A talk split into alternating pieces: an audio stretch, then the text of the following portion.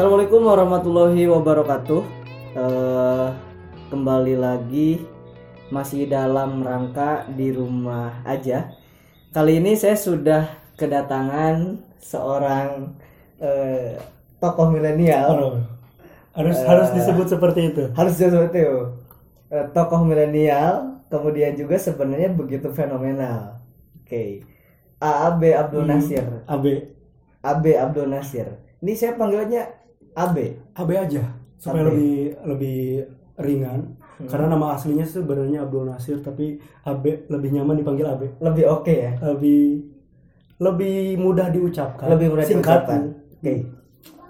Eh, terima kasih ya Hmm. sudah katakanlah menyempatkan waktu nih di channel saya. Hmm. Kemudian juga sebelumnya saya apa ya istilahnya ya? Eh apa ya? Mengucapkan selamat juga. Saya eh, dengar informasi kemarin bahwa Apa nih? ini apa Eh, namanya? ini tadi dulu nih. Eh, Selamat apa nih? Skupa yang tadinya Oke. komunitas Ah. sudah menjadi organisasi Ya. dan tentu teman-teman ketika memang sudah beranjak seperti itu semakin mapan Amin. juga semakin utuh Amin. amin Tapi Mid asli tadi itu sebenarnya Be, rada kaget. Mengucapin selamat apa karena ulang tahun masih jauh. iya iya iya Apa gitu kan? Belum ada pencapaian banyak soalnya. iya iya iya. itu eh, apa ya nanti kita eh, ulik lebih jauh nih Ya. tentang skupa ini kemudian juga eh, sebagai informasi teman-teman AB ini sebenarnya apa ya saya menyebutnya banyak sebenarnya nih Apa aja nih? eh, founder Skupa ataupun Hmm, founder boleh. organisasi Skupa. Kemudian juga eh, sarjana yang mengabdikan diri di daerah. Kemudian juga eh, pendiri di beberapa katakanlah sektor organisasi maupun komunitas yang berfokus di sosial dan pendidikan. Kemudian juga suka MC teman-teman. Jadi kalau kalian punya event apa pun itu. So far cuma ulang tahun sih yang belum bisa AB. Ulang tahun belum? Belum. Oh, Tapi kalau wedding atau event insya Allah. Oke, bagi Boleh teman-teman yang mau nikah Ya. cepat-cepat, Jangan dulu sekarang tapi. Oh iya, sekarang jangan dulu. Jangan dulu sekarang. Mungkin sekarang akad dulu aja. Akad dulu aja. Tapi Itu akad bisa meet pakai MC. Oh iya bener, betul, Lebih oke. lebih oke. MC. Nah, Kemudian juga belakangan punya channel YouTube, punya. punya channel. Nanti YouTube. boleh gak sih dicantumin di Nanti saya description boxnya? cantumin di deskripsi. Boleh ya. Ah. Supaya nanti subscribernya apa Hmm, karena masih baru nih. Sama. Abi berapa udah berapa lama? Sebulan, Sebulan. Abi sebenarnya juga si channel itu tuh baru sekitar lima minggu lima minggu. Ah, atau anggap pas sebulan setengah tapi memang kemarin tuh sempat rehat dan kemungkinan Oh iya bener, Hmm, yang kita ngobrol sempat rehat itu. Ya. Oke. Jadi kalau saya sih mandangnya bahwa sepertinya nih apa pun yang memang dilakuin AB ini memang selalu luar biasa dan berdampak loh. amin banyak banget gitu loh yang dilakuin. Oke, eh, teman-teman itu sepintas nih mengenai AB.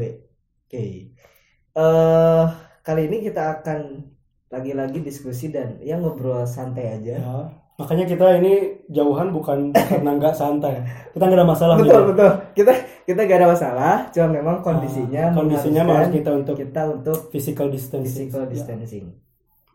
Eh, kemudian juga eh, apa namanya? eh, mudah-mudahan eh, video ini ataupun nanti akan saya share juga di podcast bisa menemani di rumah aja teman-teman nih. Ya. Eh, karena sesuai dengan berbagai kondisi yang memang hari-hari ini terjadi khususnya mengenai COVID-19. Oke, AB. AB sadar nggak sebenarnya AB ini khususnya di sekitaran kita Hmm. ya. AB ini eh, di kalangan milenial begitu terkenal AB. ini pertanyaan jebakan atau bukan saya apa merasa gini ya kalau B jawab terkenal AB bukan siapa-siapa di Ah. sini bukan tokoh kayak pemerintahan itu bukan Kan. walaupun AB memang bekerja di instansi pemerintahan Hmm. AB juga bukan eh, influencer khususnya di sosial media mungkin nggak banyak juga yang tahu. Hmm. tapi mungkin AB lebih nyaman untuk menyebut ini eh, mengenal banyak orang sih Mengenal banyak orang. karena AB mengenal banyak orang automatically orang banyak mengenal AB Hmm. dan kalau pertanyaannya kenapa karena eh, dari dulu AB emang suka ikut organisasi AB dari 2012 itu udah 2012 2012 2011 sebenarnya udah ikut organisasi. Nah, 2012 kegiatan lebih banyak di organisasi yang kayak berfokus untuk bikin social project. Jadi banyak mengenal orang, automatically orang banyak kenal kita gitu. Heeh. jadi keberatan nggak saya bilang kayak tadi tuh Kalau tadi kalau terkenal mungkin belum ya. Semoga suatu hari ada hal positif yang Iya. bisa bikin Abe terkenal. Siapa sih yang nggak mau? Abe bikin channel aja kan pengennya orang tahu banyak gitu. betul Hmm, tapi kalau Abe tadi nyamannya nyebut ini sebagai banyak mengenal orang Banyak lalu mengenal orang banyak mengenal Abe. Walaupun Iya. kadang ketika Abe ketemu di jalan nah itu itu itu gimana ada kejadian lucu Ah. saya. Nah, jadi gini. Karena 2011 itu Abe pernah jadi duta HIV AIDS dan narkoba 2017 Sukabumi. duta HIV. 2011. 2011 2011. Oke. Jadi Abe banyak melakukan penyuluhan ke sekolah-sekolah Hmm. mulai dari SMP, SMA, terus ke komunitas, bahkan pernah juga kayak ke pengajian-pengajian gitu. Hmm. Jadi banyak sekolah yang Abe kunjungi, banyak orang yang Hmm. tahu nama Abe. Nah, sering banget itu ketika di jalan atau misalkan ketika Abe di tempat umum ya, kayak Nah. pasar atau apa pun itu, Iya iya. sering banget gitu, Mit, ada yang manggil gitu kayak Eh, KB gitu. Terus kalau kalau kita maksudnya gini, Mit, kalau orang itu kita kenal kayak misalnya teman lama, Iya. at least masih ada Ada Oh, nih, si- ada ada si- si bayangan ini nih, si ini gitu. gitu, kan. Ah. Oh iya benar. ini tuh enggak kayak Betul, betul. siapa gitu kok perasaan wajahnya juga nggak kenal gitu jadi sering banget sih dari dulu sampai sekarang juga masih suka ketemu orang yang manggil bahkan ada yang sampai kayak nanya kabar tapi Abi nggak kenal sama sekali mungkin itu konsep terkenal yang Hmm. Amin maksud kali ya Betul betul Ah. betul. Itu kan apa ya? Saya menangkap itu juga Hmm. sebenarnya. Eh, ada fenomena itu. Makanya saya bilang ini orangnya sadar gak sih sebenarnya Ah. seterkenal itu gitu loh. Ka- kayaknya followersnya masih di bawah itu masih masih belum bisa disebut influencer sih lebih tepatnya Nah, harus- harusnya kalian eh, kalau memang kalau memang Amin mau nyebut saya sebagai Iya. influencer atau orang yang dikenal kita lihat apakah setelah ini Eh, followers Instagram saya naik atau enggak Iya iya iya benar benar benar benar. Nanti saya share juga nih Boleh. di seluruh media sosial. Oke, ah. Kemudian juga dulu nih 2012 Hmm. masuk Untirta. ya eh, visip Untirta, Ilkom Public Relation Yap. di Untirta eh, Serang ya. hmm. Kemudian juga di fase-fase akhir perkuliahan Hmm. ada hal yang sama sebenarnya dengan saya. pengalamannya saya kayaknya tahun yang mau ditanyain Ah. apa Ini apa namanya?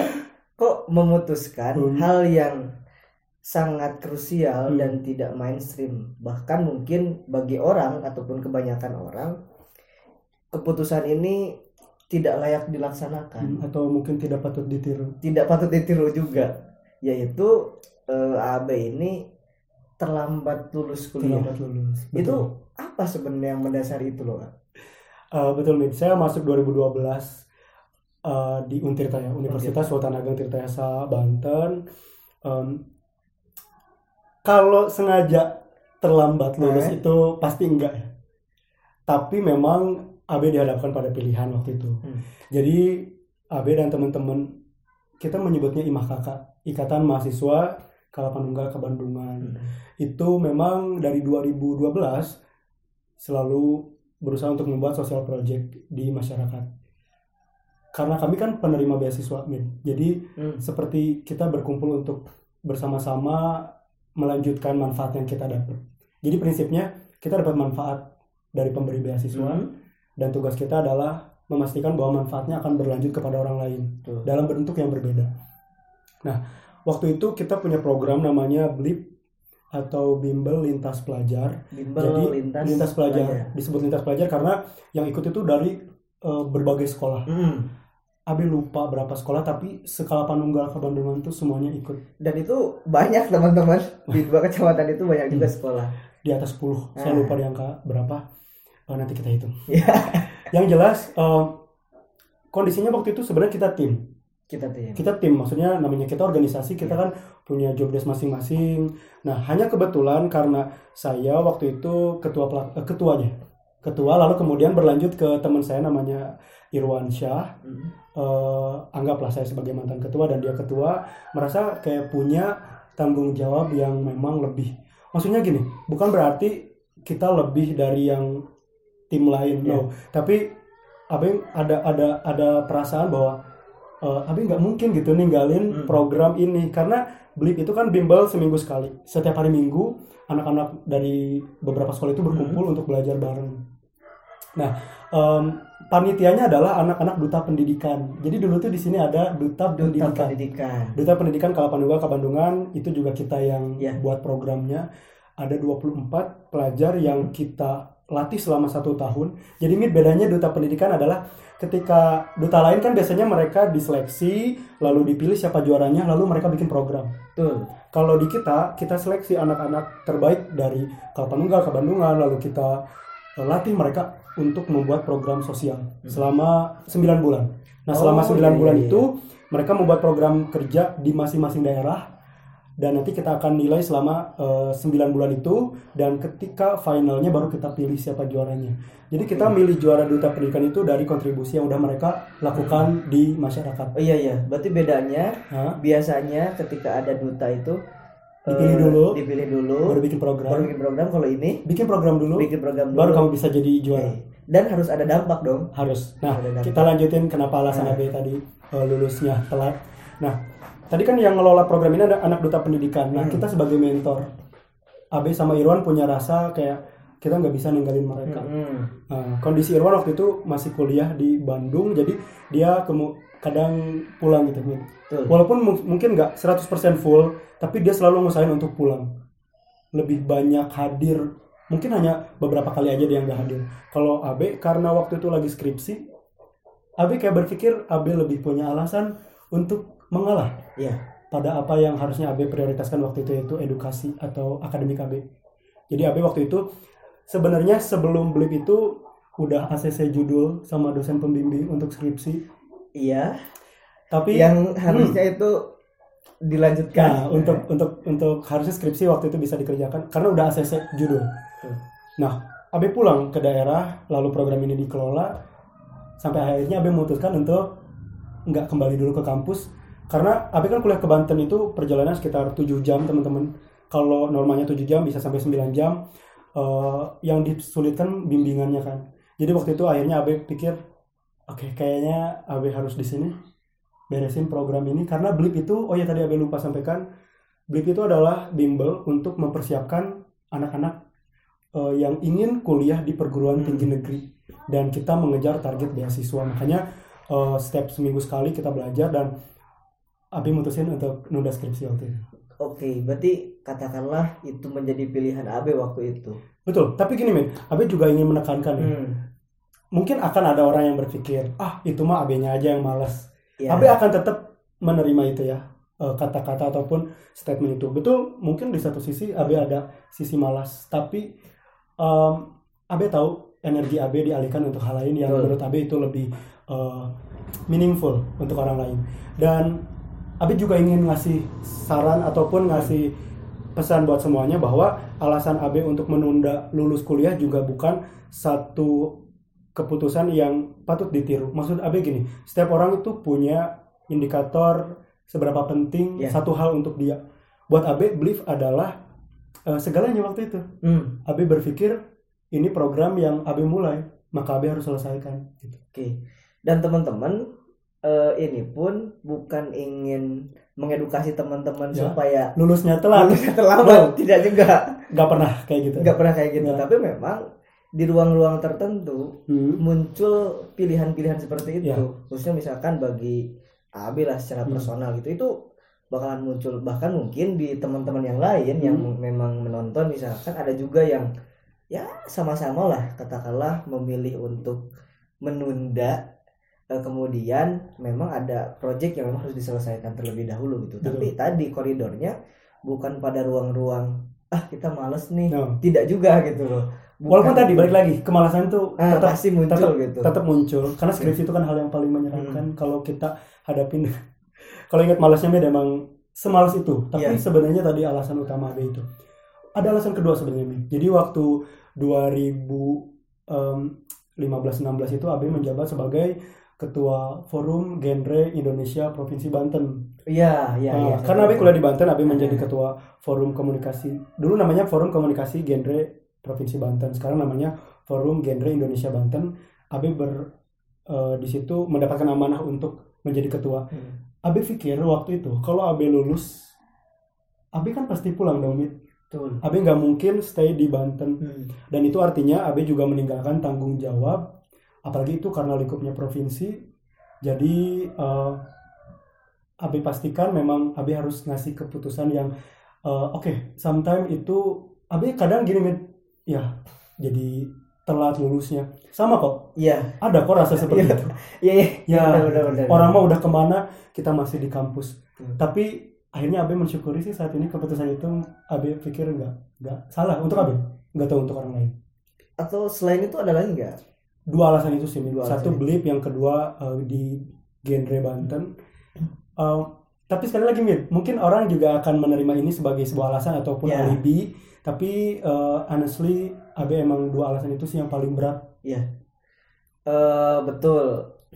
Tidak semua orang mungkin bisa menerima alasan ini gitu meskipun kalau saya secara pribadi Ya, sebenarnya Amir gimana? Saya juga pengen tahu sih. Amir kan lulusnya juga telat. Jadi kita tuh kalau kalau ngobrol pasti Iya. tentang ini kan. Hmm. Kenapa? kalau kalau saya sangat nangkep gitu loh Hmm. poin-poin ataupun eh, katakanlah suasana Hmm. ataupun tadi ketika menjelaskan itu karena saya pun ada di fase yang sama ketika Yang sama. itu Eh, harus memilih dan saya sama gitu memilih untuk oke saya harus menunda dulu kelulusan gitu karena Hmm. memang ada ruang-ruang yang memang harus saya selesaikan terlebih dahulu gitu oke kemudian lah ini ah eh bagi saya secara pribadi Hmm, berbicara kontribusi di dunia sosial dan pendidikan di daerah. Ya. Ini apa ya istilahnya ya? Tidak semua orang melakukan. ya, Meskipun betul. katakanlah banyak juga yang melakukan Dengan caranya dengan masing-masing. caranya masing-masing dan itu pun tidak menjadi terbatas gitu loh Hmm. prosesi kontribusinya. Hmm. Sebenarnya secara pribadi AAB apa ya alasan yang mendasari itu semua gitu loh. Ah, bahkan kan setahu saya itu sudah dilakukan sejak lama sampai sekarang 2020 gitu loh masih juga itu Hmm. kenapa tuh Oke, Abe mungkin jawab dulu untuk yang pendidikan ya. Jadi Mir di tahun 2015 itu kan tadi Abe sama teman-teman Imah Hmm. Kakak bareng-bareng bikin program Duta Pendidikan. Itu hal yang sangat anti mainstream. Di daerah kita tuh belum pernah mungkin pernah tadi Abe 2011 Iya, betul, pernah betul, jadi duta HIV, tapi kan Betul. nggak terlalu booming. Iya. Maksudnya orang nggak ngerti apa sih duta gitu. betul Buat apa sih program duta cuma berselempang, lenggak-lenggok atau sejenisnya. Iya. Mojang jajaka contoh gitu ya. Ada Hmm. juga kan kebetulan di duta wisata banyak orang yang nggak paham duta itu apa. Eh, di 2015 itu sebelum bikin program kita kan bikin asesmen gitu. Mm-mm. Asesmen awal kita meneliti di masyarakat, kita melakukan penelitian, kita juga by riset ya. Mm-mm. Jadi AB mendapatkan eh, fakta gitu dari lapangan bahwa memang angka partisipasi sekolah kalau mungkin untuk kuliah ya angka partisipasi Hmm. kuliahnya itu masih rendah. Sebenarnya kepedulian AB terhadap pendidikan itu berawal dari keprihatinan minimnya remaja atau tadi milenial di daerah kita yang berkuliah. Mm. Dulu tuh kita mungkin sampai sekarang sih masih terjebak dengan eh, stereotip bahwa kuliah itu buat orang yang berduit. betul nggak kan? betul betul sampai detik ini sih ya. Betul Maksudnya sampai detik ini tuh masih kayak gitu. Tapi beruntungnya di tahun 2015 kita saya saya beruntung bertemu dengan teman-teman lima kakak karena menjadi punya ruang untuk oke kita lawan ini. Kita lawan ini walaupun jatuhnya gini Mid kayak kita itu bisa apa sih sebenarnya punya apa sih mau ngelakuin itu kita bukan siapa-siapa tapi eh, alhamdulillah programnya berjalan Hmm. dan meningkatlah gitu minat siswa untuk berkuliah. Betul.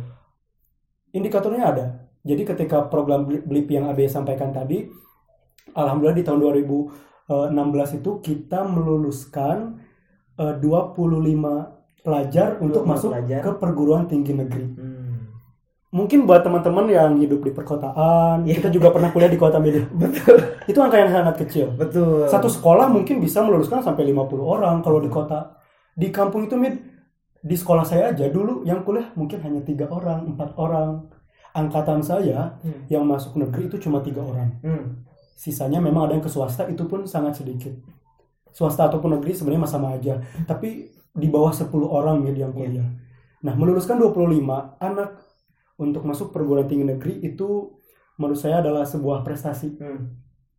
karena em, kita udah ikut membantu untuk membangun mindset baru. Betul. bahwa pendidikan bukan untuk orang yang berduit saja. Karena sebagai informasi Mit, mayoritas yang lulus itu adalah anak-anak dengan eh, background ekonomi yang sama lah kayak AB gitu. Maksudnya orang yang sederhana gitu. Tapi bisa berkuliah Oke. jadi alasan utama AB tadi eh, kenapa peduli atau kenapa mau untuk bikin program di bidang pendidikan karena angka kuliahnya di kita tuh masih dikit Betul. Belum lagi misalkan Hmm. berbicara kultur di daerah kita yang memang Hmm. agak sulit menerima hal baru perubahan perubahan. Ah, Ini memang makanya eh, ketika muncul program itu kayaknya si importnya luar biasa banget. Mid, program duta pendidikan Eh. itu kita ajuin prosesnya satu tahun. Ajuin proses satu tahun. karena kita kerjasama dengan waktu itu Chevron kalau sekarang. Ini nggak apa-apa kan Eh, merek Gak apa-apa, Oh. karena memang sangat berjasa sih dalam hidup beberapa anak di sini termasuk kami. Karena ada juga dapat beasiswa dari mereka. Em, Sekarang SE. sekarang namanya Star Energy. Masih sama sih. Hmm. hanya memang diakuisisi dan ber- berbeda pemilik. Nah eh, dulu itu kita proses untuk pengajuannya aja satu tahun nih kebayangkan dan kita tuh AB present AB waktu itu sama Irwan. Mm-mm. eh, yang AB jelasin tadi sebagai ketua. Kita presentasi di depan eh, perusahaan di di di depan humasnya. Waktu itu ada dua orang dan kebayangkan mereka itu kan mau ngasih uang sampai eh, ratusan mungkin puluhan juta puluhan juta. Kalau untuk duta pendidikan puluhan juta. Eh, maksudnya mereka tuh nggak akan dengan mudah dong kayak ngasih uang ke anak ya anak-anak gitu mahasiswa kayak kita makanya waktu itu Abi inget banget lebih kejam dari sk- sidang skripsi serius kita kan merasakan sidang skripsi kayak apa Betul lah. itu mungkin dua tiga kali lipatnya karena sampai eh, saya ingat banget Pak Gita kalau beliau nonton Nah. saya sangat berterima kasih sekali karena Nanti bisa di share. ya boleh Pak Gita pernah bilang sampai ketika kita ngejelasin tentang hasil asesmen kita Hmm. memang kan masih banyak kekurangan dan beliau bilang garbage in garbage out sampah yang masuk sampah yang keluar maksudnya Iya, iya, kalau iya. data kita nggak valid, data kita kurang bagus, maka hasil dari penelitian kita juga akan bagus. Jadi kita tuh sempat kayak diragukan. Eh. Maksud beliau kan baik, memang motivasi kita kita diragukan, eh, kita juga maksudnya tuh sebenarnya dikasih Betul. pressure supaya yakin nggak dengan program ini gitu. Sampai akhirnya di ACC gitu. Jadi perjuangannya juga Iya. sangat berat sebenarnya. Jadi alasan utama untuk pendidikan sih itu Hmm. Di sosial kemudian untuk sosial. Nah, tadi kan jawabannya cukup panjang. Untuk sosial, Abe punya prinsip gini, Mir. Oh ya, mungkin tambahin dulu ya. Tadi Nah. ada yang terlewat, maksud Abe jangan sampai orang salah paham. Abe bikin sama teman-teman Hmm. program BLIP, Duta Pendidikan, memang motivasi anak-anak untuk kuliah. Tapi Abe selalu menekankan bahwa kuliah itu hanya salah satu cara untuk kita mencapai kesuksesan Betul. bukan satu-satunya. Makanya Abe juga sangat support para pelajar yang ketika lulus mereka bekerja, it's okay. Ketika mereka bekerja dan serius, Iya. mereka ada yang menikah misalkan. Sejujurnya Abe kurang mendukung untuk pernikahan di bawah Hmm. uh, usia ideal yaitu minimal 21 tahun. sama kita.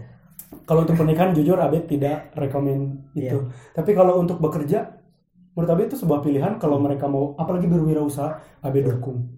Jadi teman-teman siapa pun yang nonton Iya. video ini pastikan bahwa yang Abe maksud adalah pendidikannya sebenarnya. Betul. Pendidikan kan tidak hanya kuliah. Betul lah. Dan saya pun secara pribadi Hmm? sangat banyak menemukan teman-teman milenial di luar sana Ya. di beberapa daerah yang memang mereka cerdas, Ya, mereka punya kapasitas, betul. tapi tidak, Tidak berkuliah. kuliah, tapi mereka sukses. Tapi mereka sukses. Ya. Dan ini banyak sebenarnya. Hmm. Tapi tadi yang dibilang bahwa berkuliah ini mungkin menjadi salah, Salah satu, satu cara aja Cara gitu. ya, Betul gitu. Itu aja koridornya. betul. Balik lagi ya, alasan kenapa Abe suka dengan program sosial. Karena menurut Abe gini, jika pendidikan bisa bikin orang menjadi pintar, Hmm. harusnya kepintaran itu bisa bikin orang itu sadar tentang hakikat kemanusiaan. Oke. Bahwa setiap orang terlahir dengan alasan, Betul, yaitu betul, kebermanfaatan. betul. Maksud Abe, Allah tuh nyiptain apa pun yang ada di dunia ini tuh dengan alasan. Terus buat apa? Allah ciptain manusia, Hmm. lalu mereka ada banyak untuk saling impact each other gitu. Gimana Iya, caranya iya, iya. satu dengan yang lain tuh saling memberikan dampak positif. Jadi kalau buat Abe, kenapa Abe suka dengan program sosial?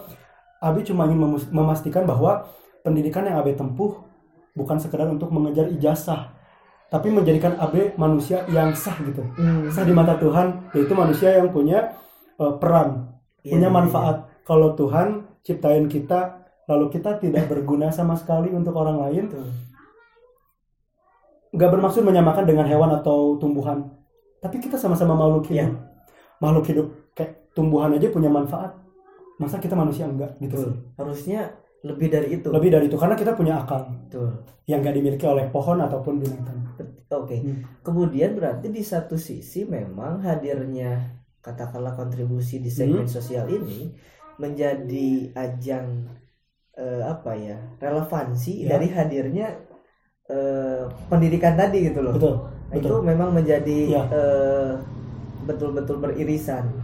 Eh, karena saya juga cukup menangkap juga sebenarnya beberapa fenomena yang memang tanda kutip ya Hmm. tidak menyebutkan apa namanya eh, orang-orang tertentu gitu tapi memang banyak juga yang ya secara kepedulian mungkin ya kurang gitu loh tidak tidak berbanding lurus dengan tingkat pendidikannya yang tinggi betul makanya tadi saya bilang bahwa ya berpendidikan itu memang jadi mungkin beruntung aja sih sebenarnya nah kalau kita bisa kuliah sebenarnya karena kesempatan kesempatan banyak yang pengen tapi nggak punya kesempatan itu jadi kita yang dikasih kesempatan Hmm, harus manfaatin itu oke tapi kalau buat sosial Abe percaya semua orang punya kesempatan itu Hmm, nah Ya. oh, oke oke Nah, benar ini, nggak? ini menarik benar Kalau Ya. untuk pendidikan, anggap gak semua orang punya Ya. kesempatan yang sama untuk kuliah, untuk mengenyam pendidikan tinggi.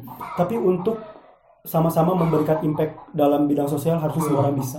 betul ah saya misalkan punya pengalaman gini ya Eh, di masjid di daerah saya misalnya Ya, ada satu ibu-ibu hmm.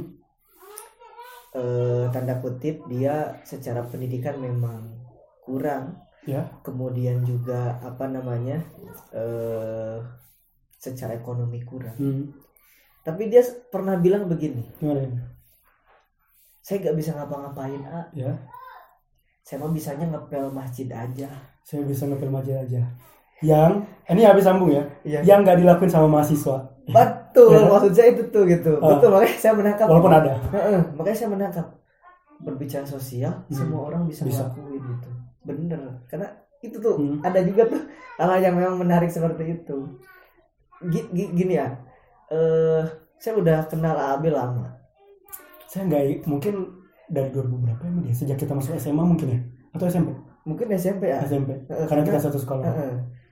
udah kenal lama bahkan teman-teman saya tahu juga nih Apa ini? di berbagai momentum Ah, kadang AB ini lebih mementingkan kontribusinya di Ah. sosial dan pendidikan katakanlah yang lebih umum gitu loh daripada diri AAB secara pribadi hmm. misalkan dari si kesehatan tidak diperhatikan misalnya.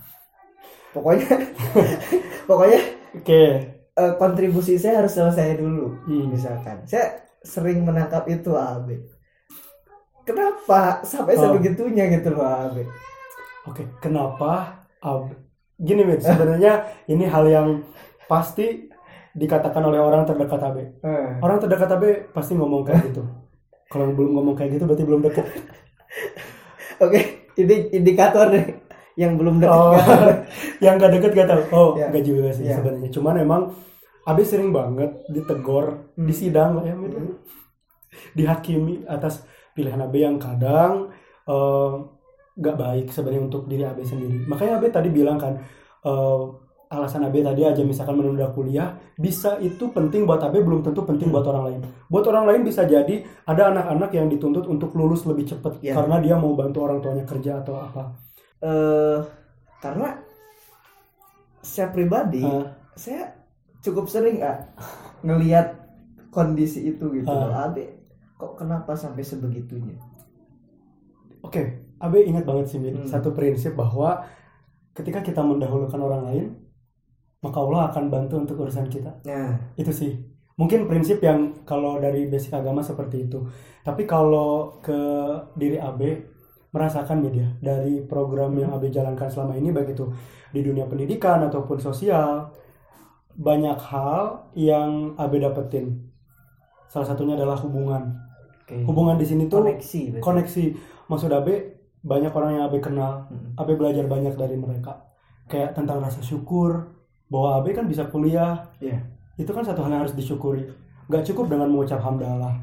Itu bagus tapi kemudian menjadi suatu aksi nyata ketika kita mastiin bahwa orang lain juga merasakan hal yang sama gitu. jadi kayak Abe tahu kuliah itu menyenangkan. Beruntung Abe bisa kuliah. Makanya Abe pengen orang lain merasakan hal yang sama. Terus gimana dengan teman-teman yang eh, nggak kuliah ke Abe? Mungkin ini pertanyaan juga buat diri Abe sendiri sih. Apakah Abe tetap bantu of course kalau misalkan mereka punya eh, keinginan untuk memperbaiki dirinya. Oke, banyak komit orang-orang yang datang ke AB bukan untuk sharing kuliah tapi ada yang pengen belajar public speaking. Oke. kayak gitu gitu loh.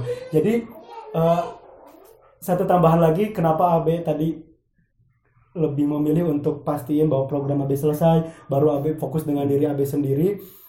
Karena gini Mit, ketika kita eh, merhatiin orang lain kan anak-anak yang AB bina selama ini mereka juga jadi sangat care dengan AB Tuh. AB jadi merasa punya banyak adik gitu Hmm. bahkan pada tahap tertentu AB menyebut mereka anak gitu.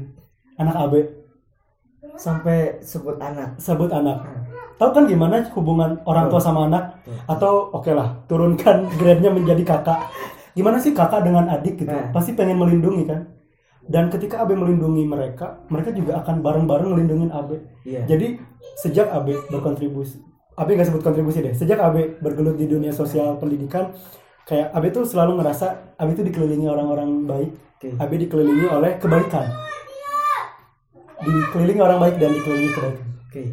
Ini ada iklan-iklan barusan. Gak apa-apa. Oke. Eh. Berarti ya bisa dibilang dong kalau misalkan dengan A melakukan itu Ya. sebenarnya jadi ajang syukur AB gitu. betul dan AB inget banget Hmm. teori kuantum Hmm. physical quantum atau fisika kuantum kuantum fisik gimana cara nyebutnya Ya. Eh, yang tahu komen aja di bawah nanti. anak fisika mohon maaf nih kalau salah Kita nggak tahu. Saya tapi pernah baca aja. Tapi pernah baca jadi gini, gini Mit. Eh, teori kuantum itu menyebutkan bahwa sebenarnya universe atau semesta ini adalah sebuah kesatuan. Hmm. Di mana ketika salah satu bagiannya rusak, maka bagian lain itu akan merasakan.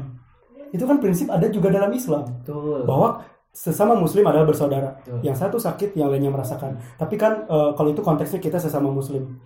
Sedangkan kita hidup kan sangat majemuk ya Iya. dengan orang-orang yang memang eh, berbeda. Jadi teori kuantum bilang universe atau semesta ini adalah unite gitu. Hmm. Unity satu gitu, menyatu dan ketika ada bagian yang rusak, maka yang lain juga akan merasakan. Oke. Abe berpikir ketika Abe dengan teman-teman lain, dengan adik-adik yang unbiological ya, Hmm. yang bukan adik biological AB gitu. Ya tadi sebut Iya. AB adik atau eh, anak AB. Mereka adalah AB juga gitu. Jadi kalau mereka sukses, Nah. AB sangat bahagia gitu. Ketika mereka gagal, AB juga merasakan hal yang sama. Karena Mit, blip yang tadi itu contoh ya, AB Iya. contohkan, kita tuh ikut sampai 8 tes. Dan Sampai AB, ah, delapan tes. AB dan teman-teman IMAKA kalian tuh nganterin mereka Mit. Jadi kita tuh tidak hanya memberikan pendampingan dalam eh, hal tadi konseling jurusan ataupun belajar kelompok, tapi kita juga nganterin mereka tes ke beberapa kota. Pernah ke Depok, sorry Bogor, Hmm. tapi memang waktu itu langsung kita lanjut ke Depok. Pernah di Sukabumi, ke Bandung, itu kita pernah keliling untuk nganterin anak-anak em, tes gitu. Oke. Jadi apa ya Mit? Kayak AB sama mereka tuh udah kayak udah punya ikatan. Walaupun sekarang saat ini mereka kebayang gak sih Mit itu dulu? Dan sekarang mereka tuh lagi skripsi. Iya. mereka lagi mau menyelesaikan apa yang pernah kita mulai dulu. Betul. Itu lama sekali dan itu senang banget Mit. Jadi kalau alasan utamanya karena balik lagi ke teori kuantum ketika mereka sukses Iya. kesuksesan itu AB rasain sendiri. Oke. kayak bangga gitu pernah mendampingi mereka sampai ke titik itu Oke.